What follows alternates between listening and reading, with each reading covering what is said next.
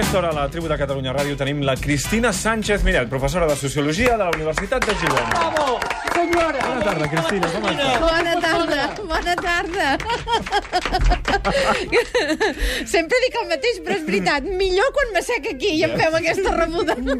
Jo també molt millor després que tu entris i, i em rebis així. Ah, sí, oi? Està molt contenta, la Cristina sempre, això m'agrada Aquest molt. riure ens, ens alegra la tarda. Sí, sí, s'encomana, s'encomana.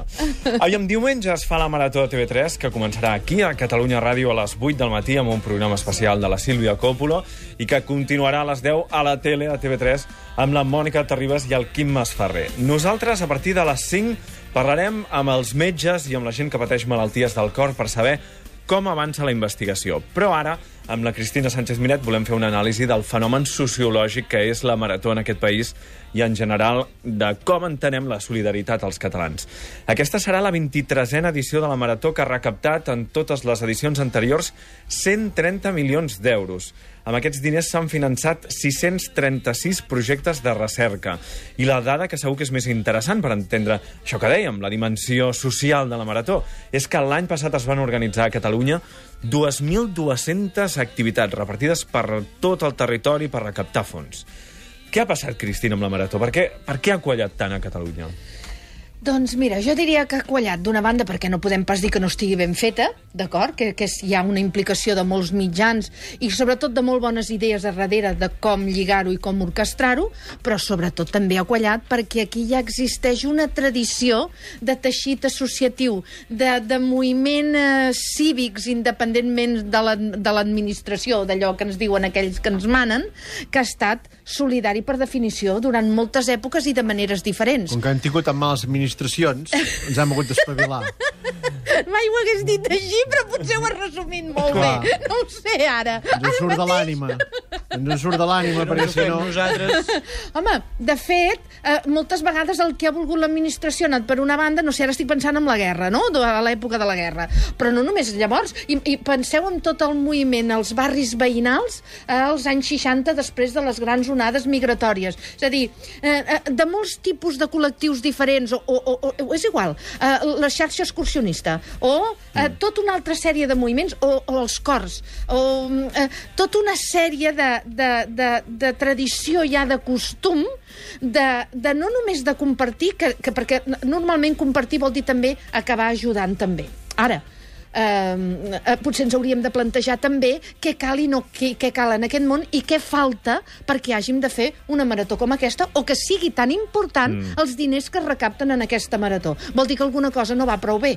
Perquè, diem-ho clar, tampoc tocaria, no? Tocaria que, que, que totes aquestes coses que, ens, ta- que són prou importants, perquè cada any la marató, diríem, ha parlat d'un tema que realment és capdalt. No només és capdalt per la vida de la gent, eh? o sigui, de, de tots nosaltres. I, eh, en canvi, que se n'hagin de refiar, no dic que no tinguin altres tipus, altres fonts de, de finançament, però que se n'hagin de refiar del que recapta amb una marató, doncs vol dir que alguna cosa no l'estem fent prou bé.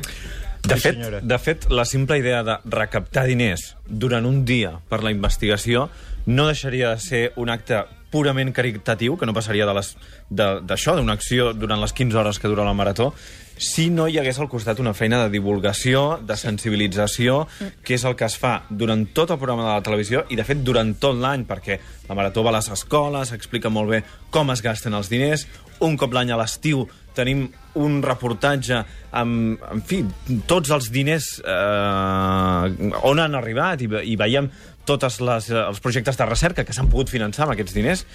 Mm, tot això que va més enllà d'una recaptació d'un dia. Per això jo deia que eh, hem de tenir en compte també com d'haver s'ha fet. Perquè sense tota aquesta feina, però no només so- sobre, en tota aquesta feina, aquesta infraestructura, aquesta manera d'arribar, de que no sigui realment puntual, encara que cristal·litza. Jo crec que això sí que és diferent de moltes altres experiències que hi ha a altres llocs. Que, de fet, és la punta, per dir-ho d'algun moment, un dia en què tothom se suposa que pensa o se centra en un tema determinat, però que després això queda en el buit més absolut. En aquí no. Aquí la feina a les escoles, per exemple, jo crec que és clau. Mm. Però no només això, perquè quan veiem totes aquestes més de 2.000 actes que es generen, són associacions de tot tipus. Fins i tot hi ha associacions de ball, és a dir, gent que queda el dissabte per anar a aprendre a ballar, que després resulta que el dia de la marató prepara alguna cosa. A Cristina, com pot evolucionar la vella idea de la caritat que s'exercia gairebé per pena amb un exercici de solidaritat més responsable i més compromès, que vagi una miqueta més enllà? Doncs mira, per començar, la, la idea de la caritat l'hauríem de treure completament del nostre panorama. Per què? Perquè precisament estem en una societat que se suposa que entenem que la idea de comunitat és fonamental i que el que passa un en realitat pot passar a tots. La idea de caritat parteix del principi que les coses són immutables i que n'hi ha uns que, perquè han tingut sorts, perquè han estat tocats de la mà de Déu o perquè senzillament són rics, doncs mira, es dediquen a, a, a, a intentar, no ni pal·liar, eh? Uh, és a dir, per pròpia vergonya, per dir-ho d'alguna manera, uh, a donar alguna cosa en aquells que han tingut menys sort. Jo crec que això ho hem de desterrar en el segle XXI, no ja del nostre panorama, sinó fins i tot del nostre ideari. El que nosaltres necessitem i el que necessita tota societat és la solidaritat ben entesa, que és aquella que vol realment canviar les situacions de partença. I això és molt difícil. Sabeu per què és molt difícil? Perquè realment eh, acaba havent implicat que aquell qui més té ha de cedir una part del pastís que té. Aquesta és la veritable solidaritat. I no dic pas que no ho sigui ajudar els altres de la manera que es fa la marató, eh? o de la manera que molta gent està treballant en el banc d'aliments com hem vist, o amb altres iniciatives. Avui sentia la dels avis, que també preparen, que també fan ara un recapte, i, i que, a més a més, per ajudar tots els avis que, que, que estan sols el dia de Nadal, fan un dinar. No me'n recordo del nom de l'associació. Però Uh, Fixeu-vos, en la idea de caritat, què hi ha?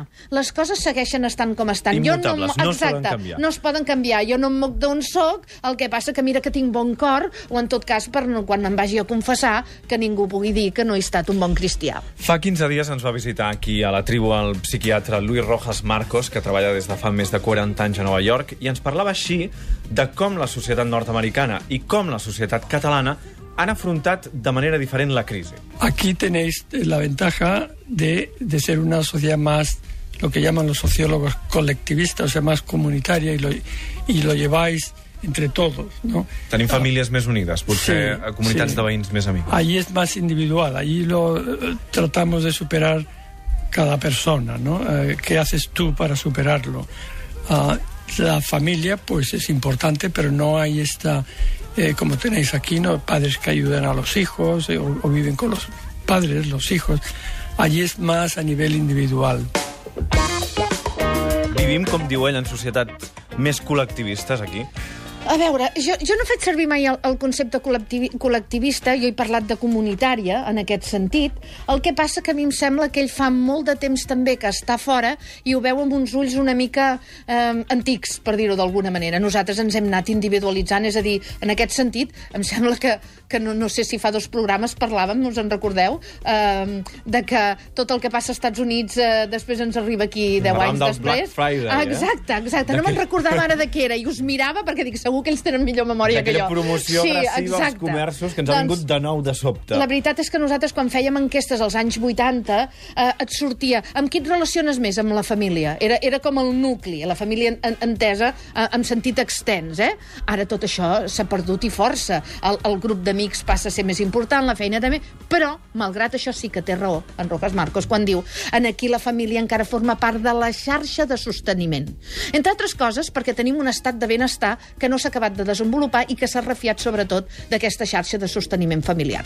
Que això no és comparable ni de bon tros, no, als Estats Units ni l'han desenvolupat, aquest tipus de- d'estat de, de benestar, eh? malgrat que van tenir, un, un, van ser pioners amb el New Deal, diríem, eh? però, però això sí que ha anat completament per una altra banda.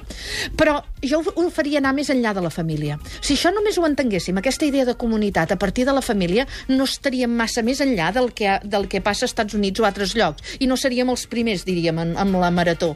És una idea de comunitat molt més ampla. És d'entendre eh, que, que és el veí també el que està implicat en la manera que tu vius i en com tu vius i amb el que compartim un territori determinat en aquest cas. Encara que no t'hi parlis, eh? Encara que no t'hi parlis. Encara que no t'hi parlis. I és veritat que cada vegada és més habitual, perquè, clar, ja no vivim la majoria en pobles. I, i quan això es passa del poble a la ciutat, sabeu que és un dels elements fonamentals és aquesta idea d'anonimat i que no saps ni qui viu a la teva escala.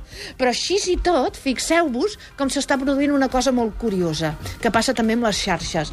Potser no et parles amb el veí, potser no saps qui viu a la teva escala, però en canvi te n'has anat a fer d'un club de no sé què que t'ha creat una nova xarxa, que va més enllà d'amb qui treballes, allà on vius i qui és la teva família.